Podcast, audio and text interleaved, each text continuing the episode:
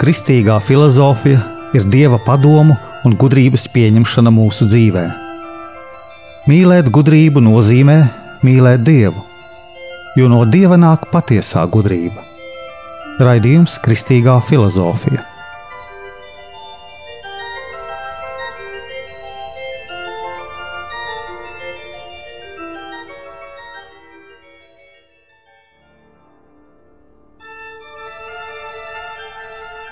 Es esmu Jānis Valtra Vitsenheims, un ar jums ir Kristīgā filozofija.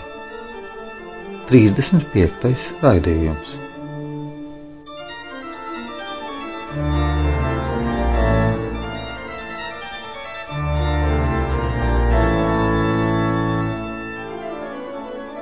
Mēs ejam uz baznīcu.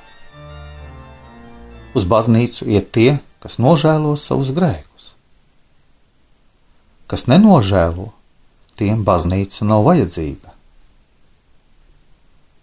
Baznīcas spēks ir nevis nogrēkojušos cilvēkos, bet gan tajos, kas labojas. Ja cilvēks nav nomiris dievam, tad viņš vēlas būt baznīcā. Tie, kas aiziet no mums, tie nav bijuši mūsu. Īsts kristietis pārdzīvo, ka nevar aiziet uz baznīcu. Ja mierīgi sarauj savu saikni ar baznīcu, tad tas ir sāpīgi. No cilvēka, kuru tu uzskati par brāli, saproti, nav brālis. Sāpīgi, ka cilvēks aiziet no ģimenes. Tā tad ģimene viņam sveša. Bēda ne jau tam cilvēkam, bet gan mums. Jo aiziet cilvēks, kuru mēs uzskatām par brāli, māsu, kurš mīl dievu un cilvēkus. Tas ir cilvēka savs ceļš, nevis mūsu, ar dievu. Baznīca nav organizācija. Ja mums pavaicātu, kas ir partija, mums ir skaidrs, Kas ir organizācija, arī skaidrs. Kas ir interešu klubs, mēs arī saprotam. Baznīcā ir vienotība dievā un dieva likumos. Baznīcu izveidoja vienā dienā, vienā laikā, vienā vietā, kad svētais gars nonāca pāri apstuļiem. Ne katrs, kas saka Dievs, ienāk debesu valstībā, bet kas pilda dieva gribu. Kristus dara brīnumus nevis brīnumu dēļ, bet lai palīdzētu cilvēkiem. Ne brīnumos dieva jēga, bet baznīcas kopībā. Jo brīnumu darīšana neglāb cilvēku. Mūs glābj dalība Kristus dzīves kopībā. Ja nenesam augļus, tad zaru nogriež. Mēs visi varētu teikt, esam pelēki. Kad pieskaramies Kristus pazemībai, paklausībai, mēs atraujamies no vecā pelēkā cilvēka, topam jauni, Kristu. Dievs nenāca izmainīt pasauli, bet nāca, lai glābtu cilvēku.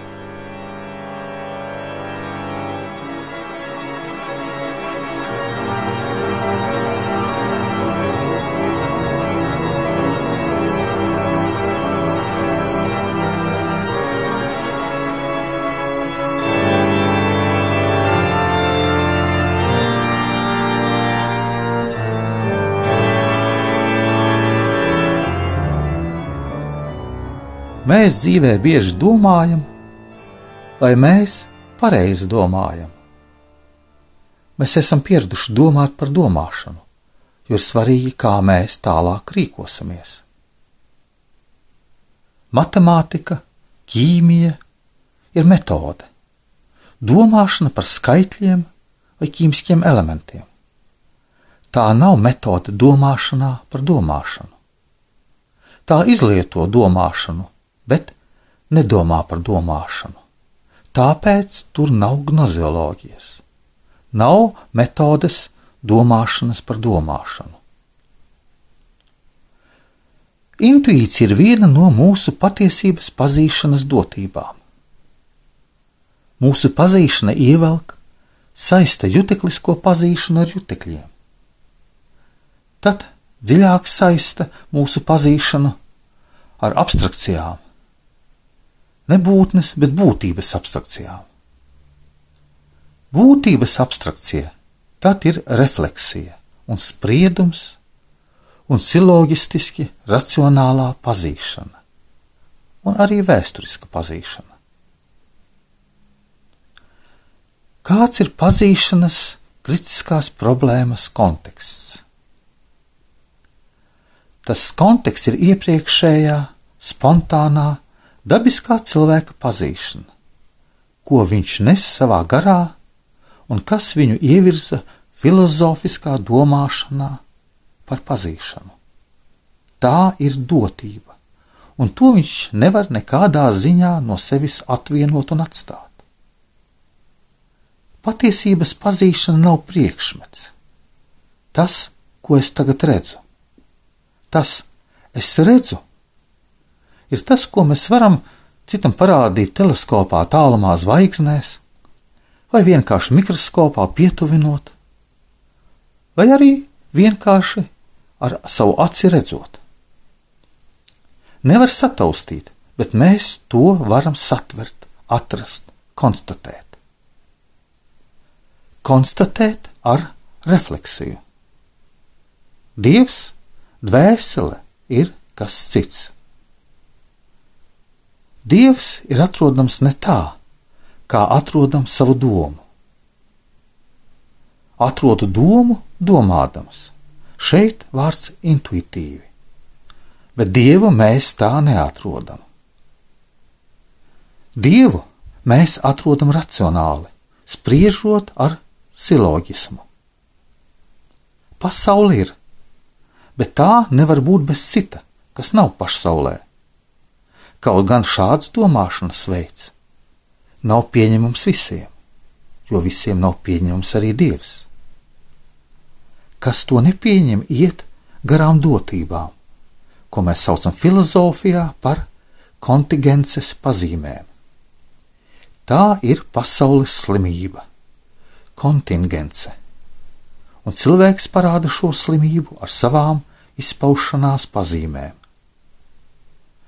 Tā tad arī pasaule, pasaules lietas parāda savu kontingenci, savu nepieciešamību lai būtu kaut kas otrs, cits un papildinātu to.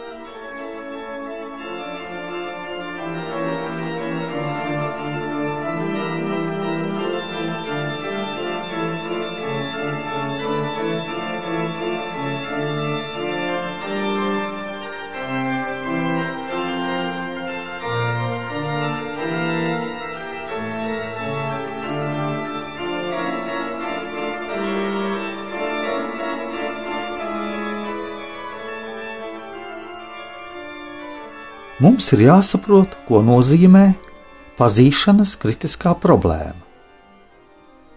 Pazīšanas kritiskā problēma nozīmē kritizēt nevis graujoši un negatīvi, bet konstruktīvi, pozitīvi. Kritizēt mūsu patiesības pazīšanu, pazīt patiesības pazīšanu, lai viņu varētu filozofiski izskaidrot tad pazīšanas, mūsu pašu pazīšanas, kritiskā problēma meklē mūsu prāta spēju, mūsu jutekļu spēju, reālo nozīmi un vērtību.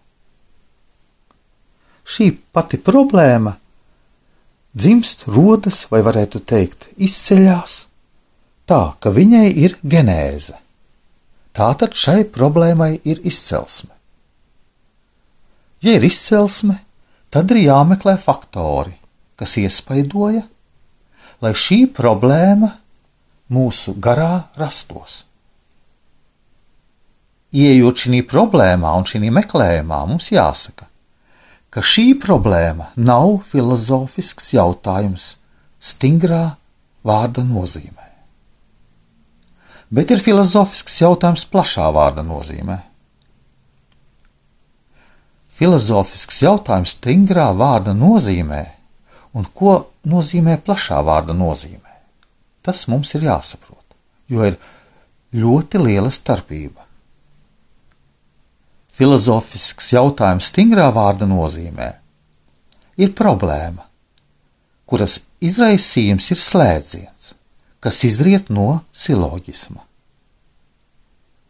Piemēram, mēs pazīstam, ka ir prātakti, ir gribas akti, ir morāliskie akti, ir tīri garīgi, un viņi nevar celties no matērijas bet mēs to pazīstam, vēl nepazīdami, ka cilvēka dvēsele ir tīri garīga un nemirstīga. Un tāpēc ir jādomā, jāprāto un jādara siloģisms. Gribas, prāta un morālie akti ir garīgi, un tur nav pateikts, ka dvēsele ir garīga. Tāpēc jāmeklē, jādara jauns siloģisms. Šis jaunais silogisms veido kauzalitātes procesu, sakopojot un savelkot trīs jēdzienus - lielo, mazo un vidusterminu, un tad atrod jaunu sakarību, un mēs iegūstam jaunu kauzalitāti. Ja akti ir garīgi, tad viņu iemiesojumu cilvēks ir garīgs. Viņi ir garīgi, arī dvēsele ir garīga. Piemēram, pasaule eksistē, bet nav teikts, ka Dievs ir. Pasaule ir. Pasaule ir pieprasa arī Dieva esamību. Pasaule savā esmē nav pašpietiekama. Nav pietiekami pati sev. Lai būtu, tad tā pieprasa citu būtni, kas pārspēj un ir pārāka par šo pasauli. Šī būtne ir Dievs. Pasaule savā eksistencē nav nepietiekoša. To viņa parāda ar tā sauktajām kontingences pazīmēm. Ar kontingences izpaudumiem mēs spriežam un atrodam vēlāk, ka ir Dievs. Pasaule ir Dievs ir.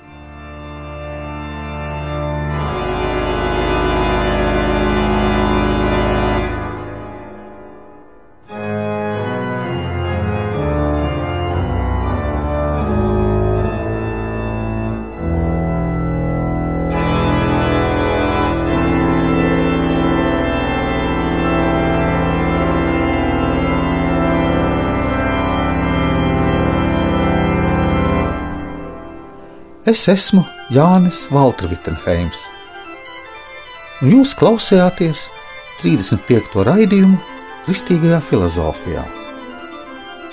Pazīšanas, kritiskās problēmas, izcelsmes